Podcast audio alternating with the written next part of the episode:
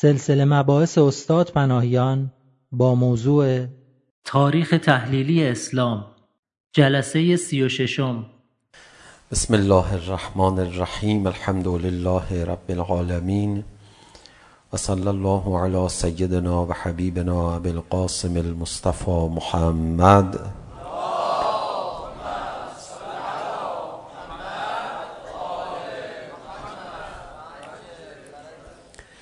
وآله الطيبين الطاهرين المعصومين سيما الحجة بقية الله الأعظم روحي وأرواح العالمين له الفداء اللعن الدائم على أعدائه مجمعين إلى قيام يوم الدين رب اشرح لي صدري ويسر لي أمري واحلل عقدة من لساني يفقه قولي من در این جلسه میخوام یه مقدار در باب زحمت‌های پیامبر گرامی اسلام زحمت‌های به ظاهر بی‌نتیجه حضرت و تلاش‌های توأم با زحمت و زجر فراوان که به ظاهر در تاریخ نتیجه خاصی نداشته صحبت کنم.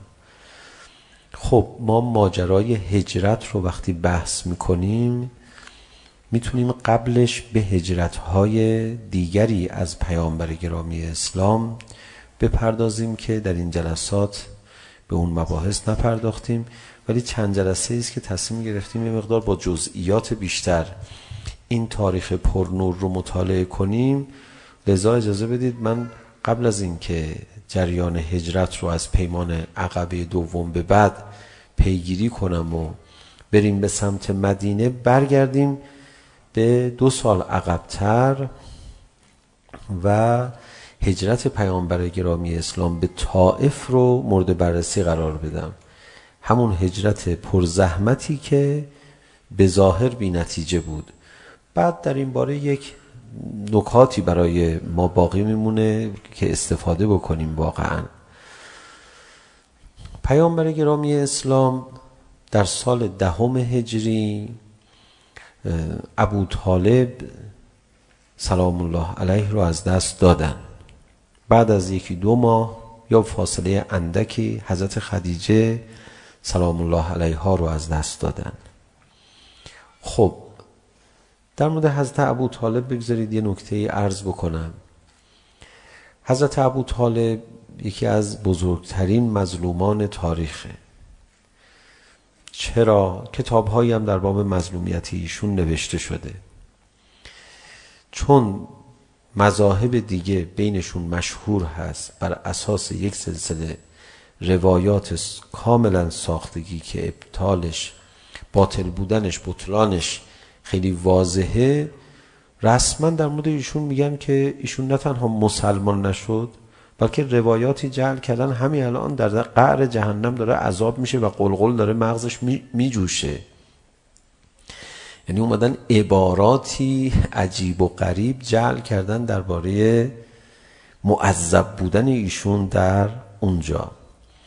در حالی که شما میدونید حضرت ابو طالب چه نقش با عظمتی داشتن در دفاع از پیامبر گرامی اسلام مجلسات قبل دیدیم اون بحثی که در مورد شعب ابی طالب داشتیم و نقشی که حضرت ابی طالب داشتن در دفاع از پیامبر گرامی اسلام یه مقدار بحث کردیم.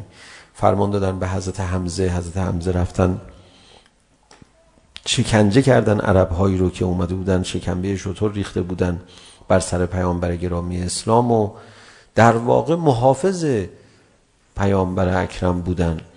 اومدن پیش ابو طالب تو این جوان رو به ما بده ما بهترین جوانان عرب رو به شما میدیم اجازه بده ما این رو ایشون رو به قتل برسونیم. و بالاخره داستان داستان های مشهوری در این زمینه است که همه هم نقل کردن. ولی در مورد آقای ابو طالب که ما ایشون رو از اولیاء خدا میدونیم و نور ایشون رو در قیامت بالاتر از همه نورها میدونیم طبق روایاتمون.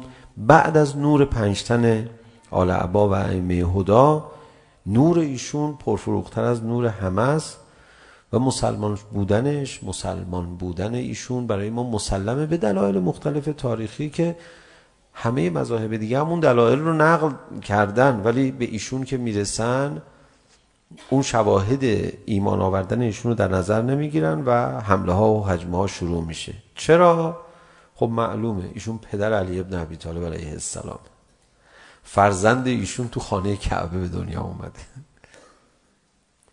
خب دیگه معلومه و دشمنی هایی که با علی ابن ابی طالب علیه السلام هم هست معلومه این دشمنی ها انقدر بالا بوده در زمان حیات پیامبر گرامی اسلام که رسول خدا در خطبه قدیر فرمودن شما به خاطر محبتی که من به علی ابن ابی طالب علیه السلام دارم من رو قریب گذاشتید. یعنی پیغمبر قریب میمونه به خاطر ارتباط و علاقه ای که به علی ابن ابی طالب داره و دشمنی ای که اونا با علی ابن ابی طالب علیه السلام دارن. این دیگه تصریح خود پیامبر هست. رفتن کنار خانه کعبه یه عده‌ای پیمان بستن که رسول خدا فرمود من اگر میخواستم الان نشون میدادم اون افراد رو. با انگشتم نشون میدادم. یعنی همینجا هستن الان.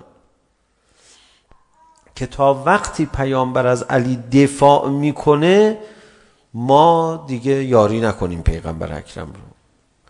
داستان عجیب و غریبیه. البته امیر المومنین علی علیه السلام فرمودن آدم عاقل تعجب نمیکنه.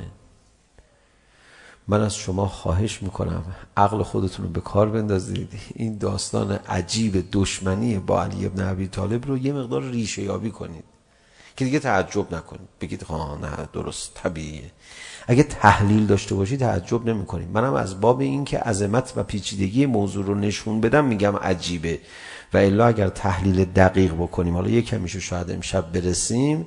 قبلا هم خیلی در این باره مقدمه چینی کردیم. دیگه عجیب نخواهد بود. ها بله بله. خب طبیعیه. طبیعیه. باید اینجوری تحلیل داشته باشی تا این همه دشمنی با علی ابن عبی طالب رو بتونی درک بکنی تعجب نکنی. دیگه دشمنی با علی ابن ابی طالب علیه السلام به جایی رسیده بود که امام باقر علیه السلام میفرماید که پیامبر خدا نمیتونست خوبی های علی ابن ابی طالب علیه السلام رو بیان کنه و خیلی از اوقات کتمان میکرد به خاطر حسادت هایی که بود. حالا دیگه هیچی نگیم. اون مواردی هم که میبینید مشهور شده در واقع شقشقتون هدرت بوده به تعبیری. خب حضرت ابو طالب تونستن در موردش اینو درست بکنن که ایشون اصلا مسلمان نبوده. که البته بنده در این باره نمیخوام الان مفصل صحبت بکنم. حالا یاد این شخصیت گرانقدر و ارزشمند افتادیم در مورد ایشون صحبتی شد.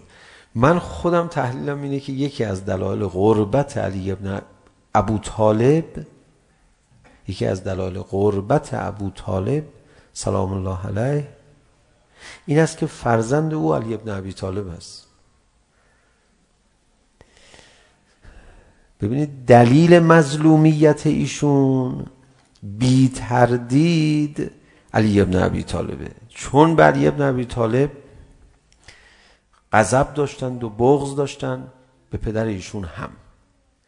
اما چرا قریب ماندن ایشون بازم چون فرزندشون علی ابن ابی طالبه برای چی برای اینکه علی ابن ابی طالب مخلصه نمیاد بشینه این ور اونور از پدرش تعریف کنه که مبادا از غربت مبادا در غربت بمونه اهل بیت تا مجبور نشن که از خودشون حرفی نمیزنن که از کس و دیگر اطرافیانشون که حرفی نمیزنن. آخه علی ابن ابی طالب که عوام نیست بشینه پیش مردم هی شروع کنه از خوبیای باباش تعریف کردن. در این زمینه یک حرکت هایی انجام بدهد که هر کاری کرده به خاطر خدا کرده. قربتش هم به خاطر خدا تحمل میکنه. البته وظیفه دارن مردم رو روشن بکنن وظیفه دارن که حتی خودشون رو لازم بود معرفی کنن حضرت امام میفرمود امیرالمومنین علی علیه السلام یه جایی مجبور میشد از خودش هم تعریف بکنه زجر میکشید بله ولی بالاخره علی ابن ابی طالب علیه السلام دیگه همه هستی خودشون میده آیا در این راه قربت باباشو تحمل نکنه چرا تحمل میکنه چه احادیث جعلی علیه ابو طالب درست کردن؟ فقط خدا میدونه. یعنی نمیشه اصلا اونا رو بر زبان راند. به حدی این احادیث جعلی دیگه گفتم دیگه. میرسونن کار رو که الان ایشون در دوزخ معذبن و حالا دیگه خیلی از اون احادیث رو میخواد اشاره هم بکنیم. حضرت ابو طالب از دنیا رفتن. پیامبر گرامی اسلام بعد از چند ماه حضرت خدیجه رو هم از دست دادن اون سال رو رسول خدا سال حزن نامیدن فرمودن دو مصیبت بر امت اسلام وارد شده این امسال که من نمیدونم برای کدوم یکی از این دوتا مصیبت ناله بزنم یا به تعبیر دقیقتر شیون کنم پیامبر گرامی اسلام با این دو مصیبت بزرگ این گونه برخورد کردن البته باید در مورد مظلومیت حضرت خدیجه هم دوباره بگیم.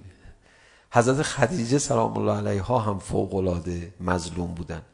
این دو بزرگوار بیشتر این کمک ها رو کردن. و امیر المؤمنین علی ابن ابی طالب بیشتر این کمک ها رو کردن به پیامبر گرامی اسلام. و همین دلیل باید مظلوم واقع بشن. فدای پیغمبر اکرم شدن. حضرت خدیجه سلام الله علیها در مورد سنشون مبالغه شده آقایشون 40 سالش بوده ازدواج کرده در حالی که بررسی های دقیق تر نشون میده که ایشون 25 سالش بوده تقریبا هم سن سال پیغمبر بودن موقع ازدواج. بعد اینکه ایشون قبلش ازدواج کرده بوده حالا دیگه بذارید بحث چون در این نقطه هست کمی صحبت بکنیم در این باره مشهوره مثلا میگن ایشون دختر داشته بچه داشته اصلا بعد بررسی های دقیق تر تاریخی نشون میده که بابا تمام کتاب های تاریخی حتی مربوط به مذاهب دیگه میگن بزرگان قریش رفتن با ایشون ازدواج بکنن ایشون راه نمیداد بعد خود ایشون تقاضا کرد از حضرت ابو طالب که از من برای برادرزاده خودت خواستگاری کن. و بعد مورد حسادت زنان قریش بودن ایشون وقت چجوریه یه خانمی در سن و سال ازدواج؟ بزرگان قریش ثروتمندا و پولدارا و این حرفا اینا رو راه نمیده. بعد قبلا با یه آدم خیلی مجهول الهویه‌ای که هیچ خبر تاریخی ازش نیست ازدواج کرده. چند تا بچه داره؟ آخه خانومی که ازدواج کرده چند تا بچه داره چرا باید اینقدر خواستگار داشته باشه؟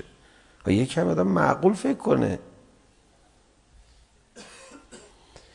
یا این که بعضی ها خودشون رو داماد پیامبر اکرم میدونن به خاطر وصلت کردن با دختران قبلی حضرت خدیجه یا دختران بعدی حضرت خدیجه. که بعد نگاه میکنیم میبینیم بابا زینب نامی بله هست. مشهور است به دختر پیامبر گرامی اسلام.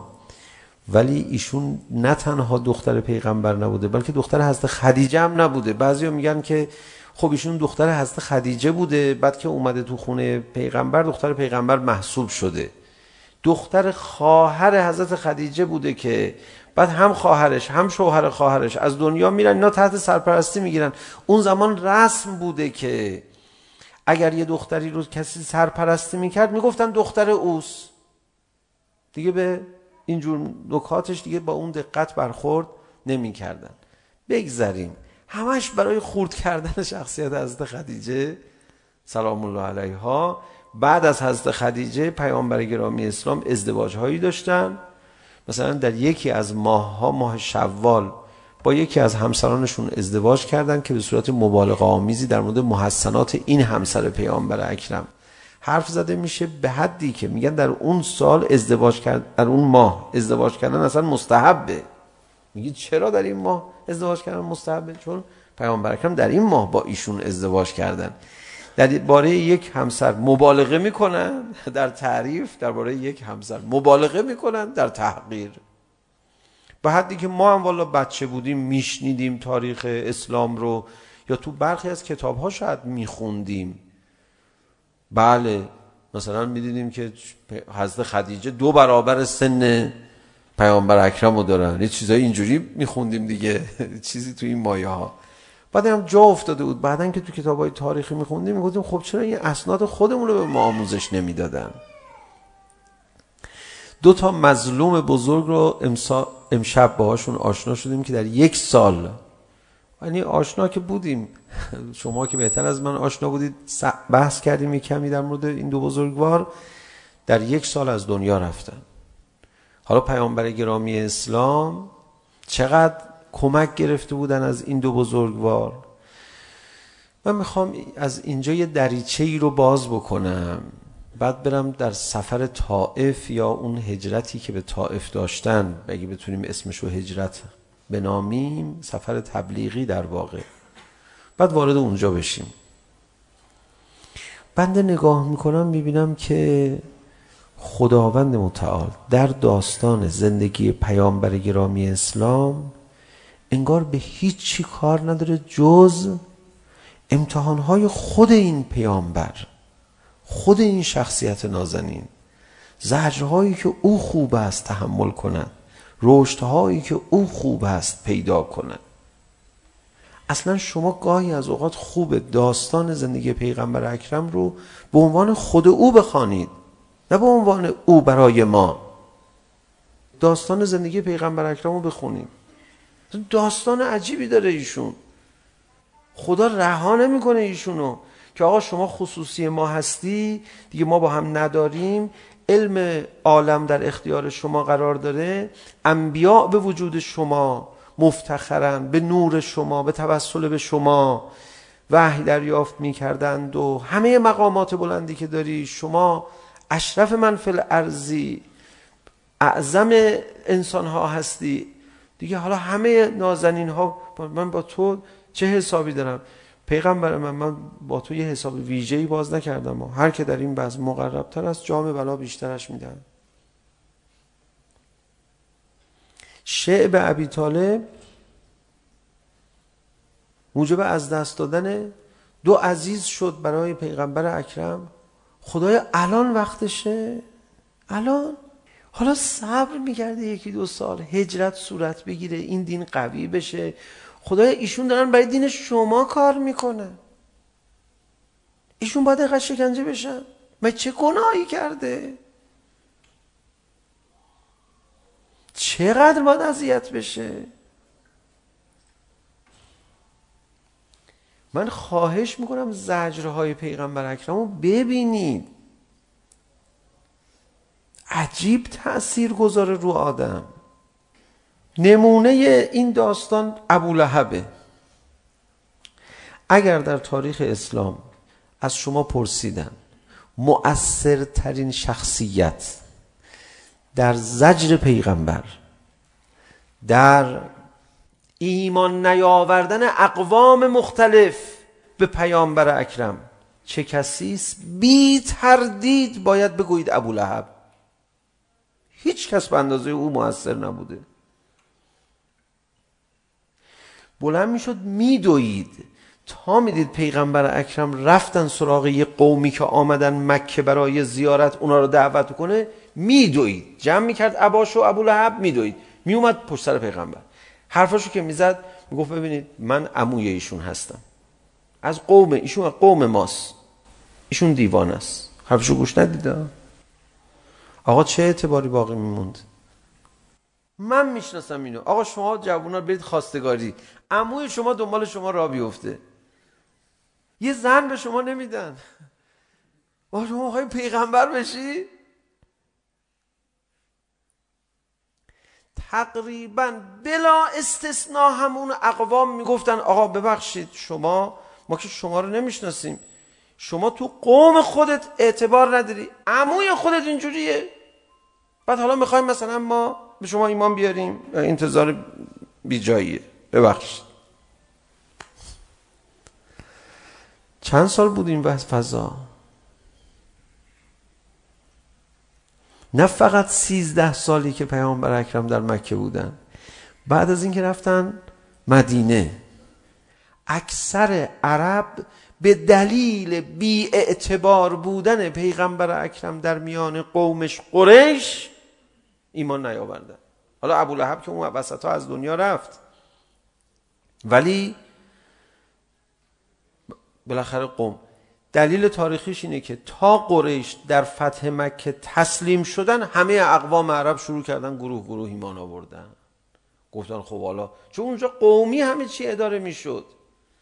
آقا ببخشید قوم شما شما رو قبول ندارن. بعد شما اومدی به ما چی داری میگی؟ البته بنده ای که این حرفو دارم به شما میزنم.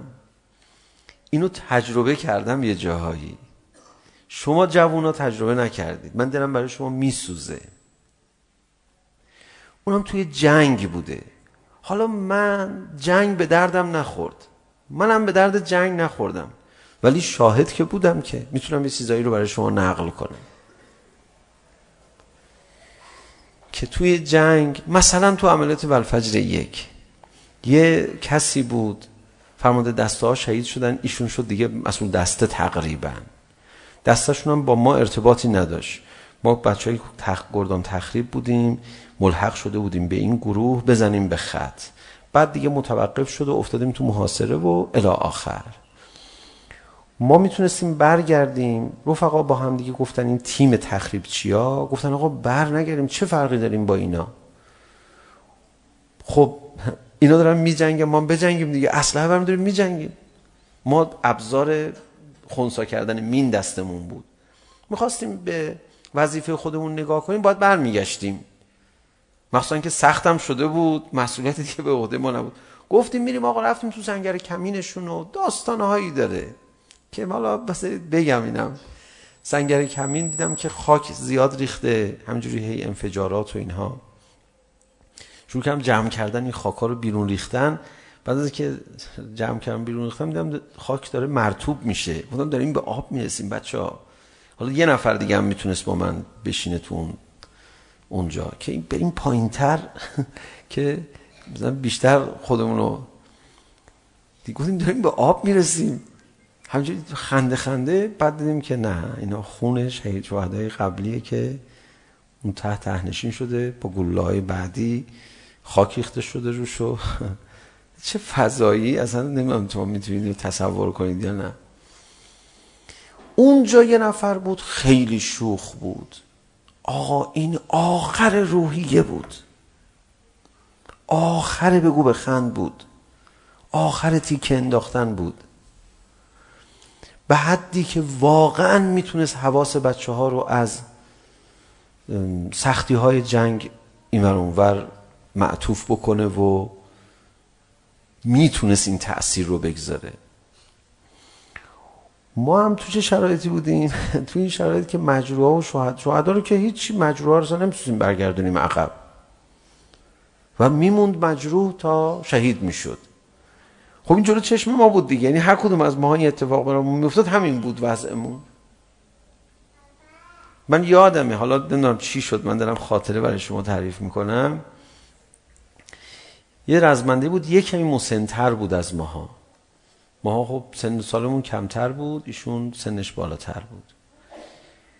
بین دو تا گروهی که گیر افتاده بودیم یه شیاری بود پشت تپه داشتیم حرکت میکنیم از پیش ایشون رد بشیم بریم اونور. چون یه آب اونور تموم شده بود اینورم نبود. ولی اینور یه مشما خیار بود گفتیم این مشما خیاره رو بریم برسونیم به اون طرف. به جای آب بخورن لااقل. برگشتیم رفتیم این داشت ما رو تشویق میکرد. برگشتیم دیدیم که ایشون ترکش خورده داره بال بال میزنه. یه جوری وضعش بود که نمیتونست برگرده نگاه کنه چی چی شده اصلا بدنش. بعد ما بلندش کردیم از شیار بیاریمش اینجا جایی که دیگه خب جایی که مثل بقیه مجروحین به شهادت میرسیدن. ایشون تو اون لحظه برگشت گفت شکم منم خورده. این در وضعیتی بود که ما شکمش رو با دستمون جمع کرده بودیم. یعنی ریخته بود رو زمین. گفتیم نه چیزی نیست انشالله خوب میشه. بعد پرسید راه باز نشده بریم عقب. نه انشالله راه باز میشه. و بعد جمله گفت که من نمیتونم بگم. یه شب قدری خیلی من آتیش گرفته بودم سوخته بودم و میخواستم متوسل بشم به شهدای کمک کنن. همه حرفای اون رو زدم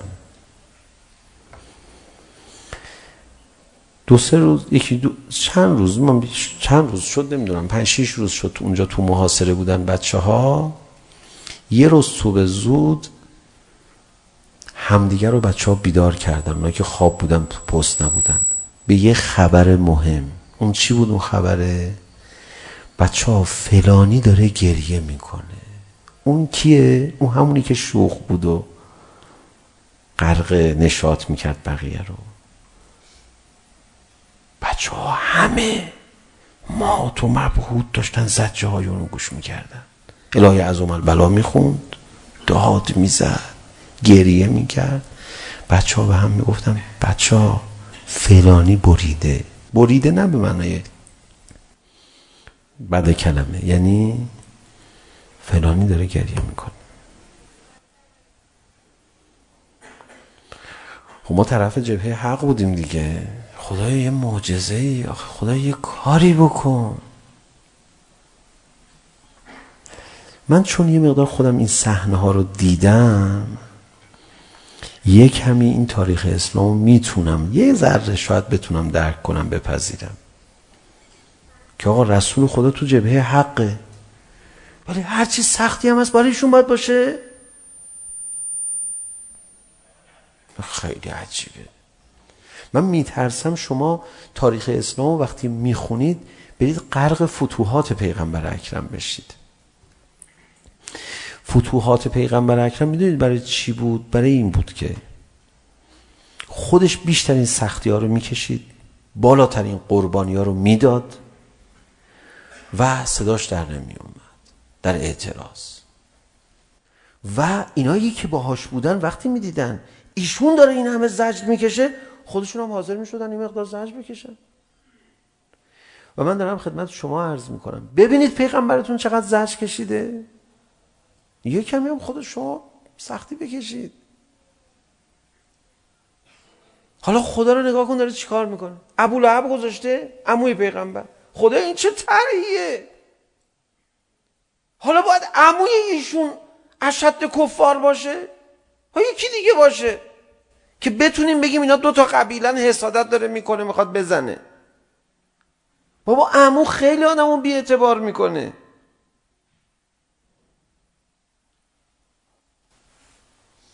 راه میافتاد دوباره.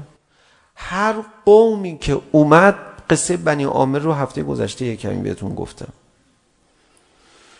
هر قومی می اومد اسمشون نوشتن بنی کلب نمیدونم دیگران پیامبر گرامی اسلام میرفت دعوتشون میکرد ابولهب هم دنبال پیغمبر را میافتاد تقریبا پیامبر اکرم تو مکه و کسانی که به مکه می آمدن برای زیارت هیچ نتیجه ای نگرفت جز اون چند نفری که از مدینه آمدن پیامبر گرامی اسلام شدت آزار قریش بعد از ابو طالب رو هم دید که افزایش پیدا کرد. تصمیم گرفت سفرهای تبلیغی خودش رو شروع کنه. مهمترین سفر تبلیغی ایشون به طائفه رفتن طائف. طائف چه شهریه؟ یه شهری نزدیک مکه. شهر کشاورزیه. میوه ها و آزوغه های اینها رو اهالی مکه میخرن. لذا رابطه تجاری خوبی دارن از این جهت یه وابستگی دارن به شهر مکه. رسول گرامی اسلام اومدن. رفتن پیش قبائل مکه قبائل طائف. یکی یکی. همراهانشون زید ابن حارسه و علی ابن ابی طالب علیه السلام. یا یکی از این دو بزرگوار فقط علی ابن ابی طالب علیه السلام همراهشون بود. یک نفر دعوت ایشون رو قبول نکرد. بعد چی گفتن به پیغمبر؟ گفتن خواهش میکنیم از شهر ما زودتر برو بیرون. جوانهای ما رو خراب نکنیم. پیامبر گرامی اسلام دست خالی اومد بیرون. به همینم کفایت نکردن من دوباره میخوام مثلا از شما یه سوالی بکنم چون تاریخ اسلام به ما ربط داره تا حالا زحمت کشیدی زحمتات نتیجه نداشته باشه لااقل علی ظاهر روحیت چجوری میشه یاد سفر طائف پیغمبر اکرم بیفت بعد دیدم پیغمبر اکرم دست از تبلیغ بر نمی داره مدام داره این اونو دعوت میکنه خب پیامبر گرامی اسلام منطقی داشت تاثیرگذاری داشت ترسیدن از تاثیرگذاری معنوی و منطقی پیغمبر اکرم گفتن که یه ادهی برن پیغمبر اکرم رو در مقام تحقیر سنگ باران کنن یه کوچه تشکیل دادن پیامبر گرامی اسلام اومد بره شروع کردن سنگ زدن به پیغمبر اکرم که این دو بزرگواری که همراه رسول خدا بودن حتی سرشون شکسته شد در دفاع از پیغمبر اکرم. آمدند رسول خدا خسته تشنه گرسنه در جایی استراحت کردند و بعد اومدن بیرون. که حالا اونجا یه قصه تاریخی میگن رخ داده که کسانی اومدن انگوری به حضرت تعارف کردن. بعضیا میگن نه اینو بعیده بشه پذیرفت چون اون کسان مشرک بودن رسول خدا را قاعده نمیگیره و کاری ندارم بالاخره در این که نتیجه ای نداشت بعضی هم میگن یه غلامی مسلمان شد که اهل نینوا بود مسیحی بود. بعضی ها میگن نه. اینم اعتباری برش نیست به دلایلی بگذریم. دیگه فوق فوق موفقیت پیغمبر بنابر نقل های تاریخی یه دونه غلام مسلمان شد. در سور خدا برگشت.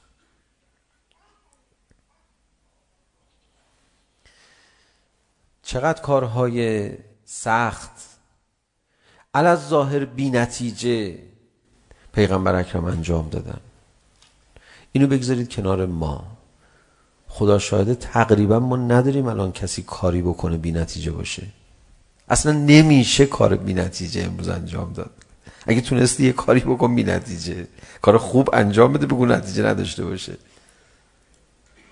ما واقعا تنبلی و تنپروری میکنیم. حضرت امام رضوان الله تعالی علیه صریحا میفرمودن از تاریخ اسلام همینجوری استفاده میکردن. صریحا حضرت امام میفرمودن وضع ما از وضع زمان پیغمبر اکرم خیلی بهتره. یه دونه خرما در شعب ابو طالب داشتن. هستشو با هسته خرما. گرسنگی خودشون رو برطرف میکردن. ما ها اینجوری نیستیم الان. حضرت امام از ما گله داشت. ما چرا اینجوری کار میکنیم؟ شما بفرمایید ما اصلا دیگه کار نمی کنیم چند روز پیش برای جمع دوستان بسیج دانشجوی عرض می کردم می گفتم بابا والا تعداد ما برای دفاع از حق خیلی زیاده چه خبره چه خبره این همه جمعیت حالا اونا هم تعدادشون همینقدر بود که شما هستید گفتم تعداد ما خیلی شما تعدادتون خیلی زیاده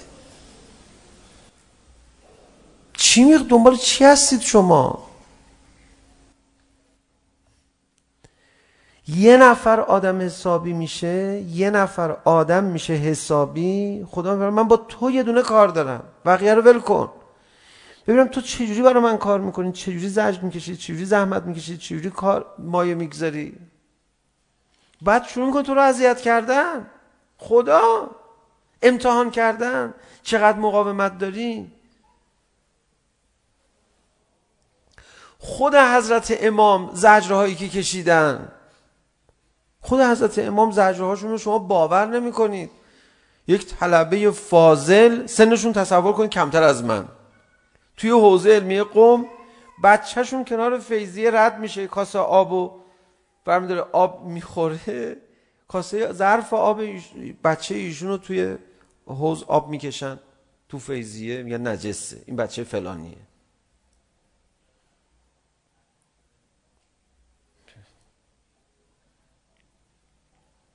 اینجور نبوده که همه از اون دم از اول بگن حضرت امام حضرت آیت الله العظما خود مقام معظم رهبری چقدر زرج کشیدن؟ که قابل بیان نیست. نمیشه الان خیلی هاشو گفت. در دوران ریاست جمهوری چقدر به زحمت افتادن؟ از چجوری میشه آخه کار کرد؟ چجوری میشه نفس کشید؟ اون زجرا جواب داد. من شما رو زجر میدم ببینم چی میگی شما. من شما رو زحمت میدم ببینم چی میگی شما. و جالبه ما تا زجر میکشیم زحمت میافتیم میگیم خب هیچی عزیز من تازه اول ماجراستی خب بکش تحمل کن. نه نه. زودم ننه من قریبم بازی در میاریم. ننه من قریبم یعنی بازی ننه من قریبم را شروع میکنیم. میشه ننه من قریبم بازی در میاریم. زحمت بیفت. داستان زندگی پیغمبر اکرم رو بخونید. به عنوان یه فردی که خود ایشون فرمودن یک کلام به ایش از حضرت به شما هدیه بدم ارزم تمام. فرمودن ما اوذی نبی مثل ما اوذی تو. هیچ پیغمبری به اندازه من اذیت نشد. به تعبیر دیگری در روایات هست فرمودن ما اوذی احد مثل ما اوذید احدی مثل من اذیت نشد. دیگه کار به یه جایی رسید که سال دهم ده انقدر شکنجه ها و اذیت ها بالا رفت. بعد مسلمان ها رو میکشتن هر که ایمان می آورد شکنجه میدادن. که پیغمبر اکرم نفرین کرد. نه نفرینی که نابودشون کنه. قحطی آمد در مکه. به حدی که در مکه اینا میرفتن سراغ قبرستان ها استخوان ها رو از زیر خاک در می آوردن بار میذاشتن میخوردن. مادرهایی بودن که بچه هاشونو خوردن به خاطر این قحطی. لاشه های مردار میخوردن سگ ها رو میکشتن میخوردن. مکه اینجوری شد. خواهش میکنم این قطعه رو ببینید. دیگه اینقدر فشار بر پیغمبر اکرم سنگین شد که غضب ایشون و غم ایشون تجلی شد اون وضعیت. به حدی که ابو سفیان که دیگه از رؤسای کفار و دشمنان پیغمبر بود تا لحظه آخرم مقاومت کرد اومد پیامبر رو صدا زد گفت بالاخره تو میبینی وضع مردم رو. من خواهش میکنم ازت دعا کن خدای تو نجاتی بده. رسول خدا دعا کرد و باران بارید و مشکلات حل شد و فراوانی ایجاد شد و همه هم اینو فهمیدن. این هم یه معجزه دیگه از پیغمبر. ولی مشکل حل نشد که. کماکان شکنجه ها باقی مونده بود. به جایی رسید که دیگه تصمیم به قتل پیغمبر گرفتن. حالا حضرت ابو طالب هم دیگه نیست. اون داستان قبیله گرایی اونها هم یه کمی دست و بالش باز شده. شیخوخیت در قبائل یه حرمتی دارن. دیگه اون داستان تصمیم بر قتل رو گرفتند و منجر به هجرت شد. ولی زجرهای پیغمبر اکرم رو ببینید. زجرهایی که در انجام دادن کار بظاهر بی نتیجه. البته میدونید هیچ کار حق بی نتیجه نیست. ولی اگر به ظاهر بی نتیجه بود خب این به ظاهر بی نتیجه است. این پیچیدگی ها رو خدا در عالم قرار داده. شما اگه خواستید تو دانشگاهی توی محلی توی مسجدی توی هیئتی کار بکنید هیچ وقت تلقی نکنید. کار شما بی نتیجه خواهد بود. الان یه جوون فعال فرهنگی بیاد هفتش مرتبه شکست خوردن. هفتش مرتبه تحویل گرفته نشدن. هفتش دفعه خیلی از آزار و اذیت ها از جانب اطرافیان نزدیکان یا افراد دورتر نقل بکنه بنده با خوشحالی و لبخند نگاهش میکنم میگم نوش جونت عزیزم. برو داره کارت کم کم. مورد قبول داره واقع میشه. اینا علائم میشه. خانومش اذیتش میکنه بابا ننش اذیتش میکنه. من اینا رو خیلی هاشو تو زندگی اطرافیان فعال فرنگی تجربه کردم و بعد دیدم اینا در طول عمرشون چه اثراتی داشته. یه زمانی ما بسیج تشکیل داده بودیم این خادم مسجد شده سنگ راه ما. میگه آقا چه خبره شما بیرون برید بیرون ببینم. بابا ما الان جلسه دعا میخوایم مردم نمازشون خوندن دعاشون خوندن. برید بیرون ببینم. آقا ما رو مسجد مینداخت بیرون. و ما جلسات دعا میخواستیم بگیریم میرفتیم تو خونه ها خونه هامون جا نداشت اصلا خونه جا نداشت یه نفر بود توی جمع ما که یه دونه اتاق اضافه داشتن غیر از دو اتاقی که کل خانواده‌شون زندگی میکردن یه اتاق دیگه داشتن اونجا شده بود پاتوق ما خونه تیمی ما دعا جلسات دعا میگذاشتیم چند تا شهید تحویل داد اون اتاق کوچولو که بعضی از شهدا قصهشون یه بار اینجا گفتم تو اون جلسه دعا شرکت کردن و شون گفتم تو باید بخونی ها تو بعدن شهید میشی. حالا هنوز اعزاما را نیفتاده بود ولی اینا انقدر برقشون فاز بالا میزد که اصلا معلوم بود. الان جنگ اینم حتما شهید میشه. اعزام جوونا و نو جوونای رنج سنی ما اصلا شروع نشده بود. ولی معلوم بود تکلیفش. بعد بهش میگفتم باید بشینی خاطره این جلسه رو بنشینی بنویسی میگفت بابا ولکم مسخره بازی خاطره نویسی یعنی چی؟ حالا این رفقا از من عکس این نوشته این شهید رو بگیرن دم در بزنن هفته بعد. شهید محسن مثلا می نوشته دو سر با کتک کاری خدا شاهد من اینو برای شما گرفتم. حالا برای شما که نه برای خودم گرفته بودم. نمیدونستم که ما اینقدر میمونیم اینقدر به درد نخوریم و پوسیده میشیم ولی ما این جلسات دعا رو در حالی میگرفتیم که از مسجد ما رو میخوام بیرون.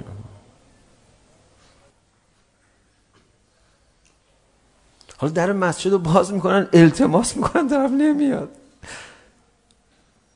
حالا نگه همه اینجوری باشن. حتما شما تا بخوای کار بکنی تا کارت درست باشه تا کارتو خدا قبول بکنه مشکلات سر راهت پیش میاد. تو رو خدا یه کمی پیغمبر اکرم نگاه کنیم ولکم فی رسول الله اسوتون حسنه فرمود هیچ کس اندازه من اذیت نشد از انواع و اذیت ها انواع و اقسام اذیت ها خیلی در ساموز هستن شخصیت نازنین پیامبر گرامی اسلام من شنیدم ندیدم این فیلم اخیرا ساخته شده که برای کودکی پیامبر گرامی اسلام هست شنیدم که این فیلم خیلی موفق بوده در نشون دادن سختی هایی که در دوران کودکی پیغمبر اکرم تحمل کردن. انشالله همین طور باشه انشالله بتونن چهره تونسته باشن چهره زیبای پیغمبر اکرم رو به همه مردم جهان بلکه نشون بدن. خب یه قسمت دیگه هم از بحث رو میخواستم امشب عرض بکنم که دیگه میگذاریم برای یه وقت دیگری. این اذیت ها رو پیغمبر اکرم از کیا تحمل میکردن؟ از آدمایی که تو مکه مدعی مذهبیگری بود مدعی بودن برای دینداری و مدعی بودن برای خانه کعبه و مدعی بودن برای اداره کنندگان شهر مذهبی و اون موقع. اینو باید یه جایی مفصل مفصل تر بهش بپردازیم. در اوائل بحث یه کمی به این موضوع پرداختیم ولی خود من هنوز دلم راضی نیست. میگم که ما باید مفصل تر به این بپردازیم بی دین ها با دینداران دعوا نداشتن دینداران ناسالم با دینداران سالم دعوا داشتن اصلا نمیشه بیدین با دیندار اینقدر دعواش بیگیره حالا ما میگیم مشرکین ولی اونها برای خودشون آینی داشتن ما میگیم مشرک ما میگیم بت پرست انشالله نمیدونم کی بشه که یه وقتی بشه ما حالا شاید جنگ ها شروع بشه در بدر و احد و اینها بتونیم شهر مکه رو بدون پیامبر گرامی اسلام بعد از هجرت ببینیم یه نگاهی بکنیم دوباره ببینید چه شهر مذهبی ما اون اوایل هم گفته بودیم که در مذهبی ترین شهر دنیا پیامبر اکرم مبعوث شدن یادتون باشه و اونجا این مسئله بوده و این مشکلات هم مال یه همچی جاییه نه اینکه اونا بگن ما میخوایم بیدینی کنیم شما میخوایم ما رو به دین دعوت کنیم پس بیا دعوا کنیم نه اصلا اتفاقا این نبود قدیم در این باره صحبت کردیم باز باید در این باره انشاءالله صحبت بکنیم این مشکل ادامه پیدا کرد تا رسید به کوفه و زینب میلاد حضرت زینب سلام الله علیه هاست این هفته کوفه چه شهریه که ابا عبدالله حسین رو به شهادت رسون اولین شهری که اسلام تأسیس کرده قبلش اصلا یه شهری نبود فرماندهان سپاه اسلام که آمده بودن برای فتوحات در مشرق و شمال و جاهای دیگه اینها این شهر رو درست کردن. این اثر تمدن اسلامیه تمدن اسلامی که پیامبر گرامی اسلام خودشون بنا کردن. اینایی که اومدن تو کوفه اینا همه کی هستن؟ فرماندهان سپاه اسلام با غلاماشون هستن. یک شهر چی میگم؟ رزمندگی دفاع مقدسی. به. صدقه سر پیغمبر اکرم اینا اصلا به این نون و نوا رسیدن حالا همینا امام حسین رو میکشن کاش رو میان آمده بودن عجیب این درد نداره وقت شهریه که پایگاه خود امیرالمومنین بوده پنج سال بعد زینب کبرا رو به اسارت در این شهر بیارن چی میخواد بگه به تاریخ تو خدا اون نگاه های سنتی خودتون رو بذارید کنار یه نفر هست پنج سال یه جایی حکومت کرد بهترین آدمای خودش ایشونو کشتن و بعد سر پسرش رو بریدن پسر دیگهش رو سجاده از زیر پاش کشیدن با صورت به زمین زدن بعد دخترش رو به تناب اسارت کشیدن تو این شهر بردن شما تصورتون در تو اون مردی که پنج سال اونجا حکومت کرده این بلا سرش اومده چی میشه فکر نکن اون مرد علی ابن ابی طالبه یکم من میخوایم از مردم اون شهر تعریف کنم اینا فرماندهانی بودن که فتوحاتی کردن که 1400 سال آثارش باقی مونده هنوزم که هنوزه اسلام بیشتر از اون دائره ای که اونا بردن جلو نرفته جلو پس آدم اسایی بودن برای خودشون خیلی از جان خودشون گذشته بودن اینا اون مرد رو کشتن و بچه هاشو کشتن و دخترش رو اسیری گرفتن خیلی سخته اصلا نمیشه باور کرد اهل بیت چیکار میکردن همیشه سختترین گزینه ها مقابلشون بوده همیشه تو سختترین شرایط تنفس کردن فقط مسئله قتل نیستش که تو عراق رفته بودم یه جزوهی تو حرم امیرالمومنین علی علیه السلام دیدم نوشته بود این شایعه که میگن کوفیان امام حسین رو کشتن درست نیست این کسانی که امام حسین رو کشتن سران لشکر عمر صد همه اهل مدینه بودن خود عمر صد هم اهل مدینه بود گفتم خب بله دیگه درسته دیگه کوفیان یعنی چی آخه خب اینا اصلا اونا اومدن شهر کوفه رو درست کردن کوفه که یه نسل و اعقابی از پیش نداشته که خب بله این کاملا حرف درستی منتها الان جوانهایی که اهل کوفه هستن میگن که شما چرا میگید ما اهل کوفه نیستیم؟ علی تنها بماند. مگه ما چمونه؟ میگیم بابا کوفه اون زمان. میگن کوفه اون زمان هم امیرالمومنین نکش مردم مدینه. بله درسته. منظور اون همونه. دعوا نشه. بعضی این شعار رو خیلی جدی گرفتن و ناراحت میشن رسما. میگن چرا میگید؟ الان مردم کوفه شیعه بابا الان ما نوکرشون هم هستیم. مثلا علماء بزرگواری که تاریخ اسلام به خودش دیده در نجف اشرف که در واقع کوفه محسوب میشه. خب این که معلومه کوفه منظور همون فضا و شرایطه. ان الله خداوند متعال ما رو اهل تحمل یه ذره سختی برای دین قرار بده. ان شاء الله خداوند متعال آثار و برکات فعالیت های همه علاقمندان به دین رو مضاعف و روزافزون بگرداند ان شاء الله مقدمات فرج موعود به دست ما فراهم بشود و صلی الله علی محمد و آله الاطهار بیان معنوی نقطه آی آی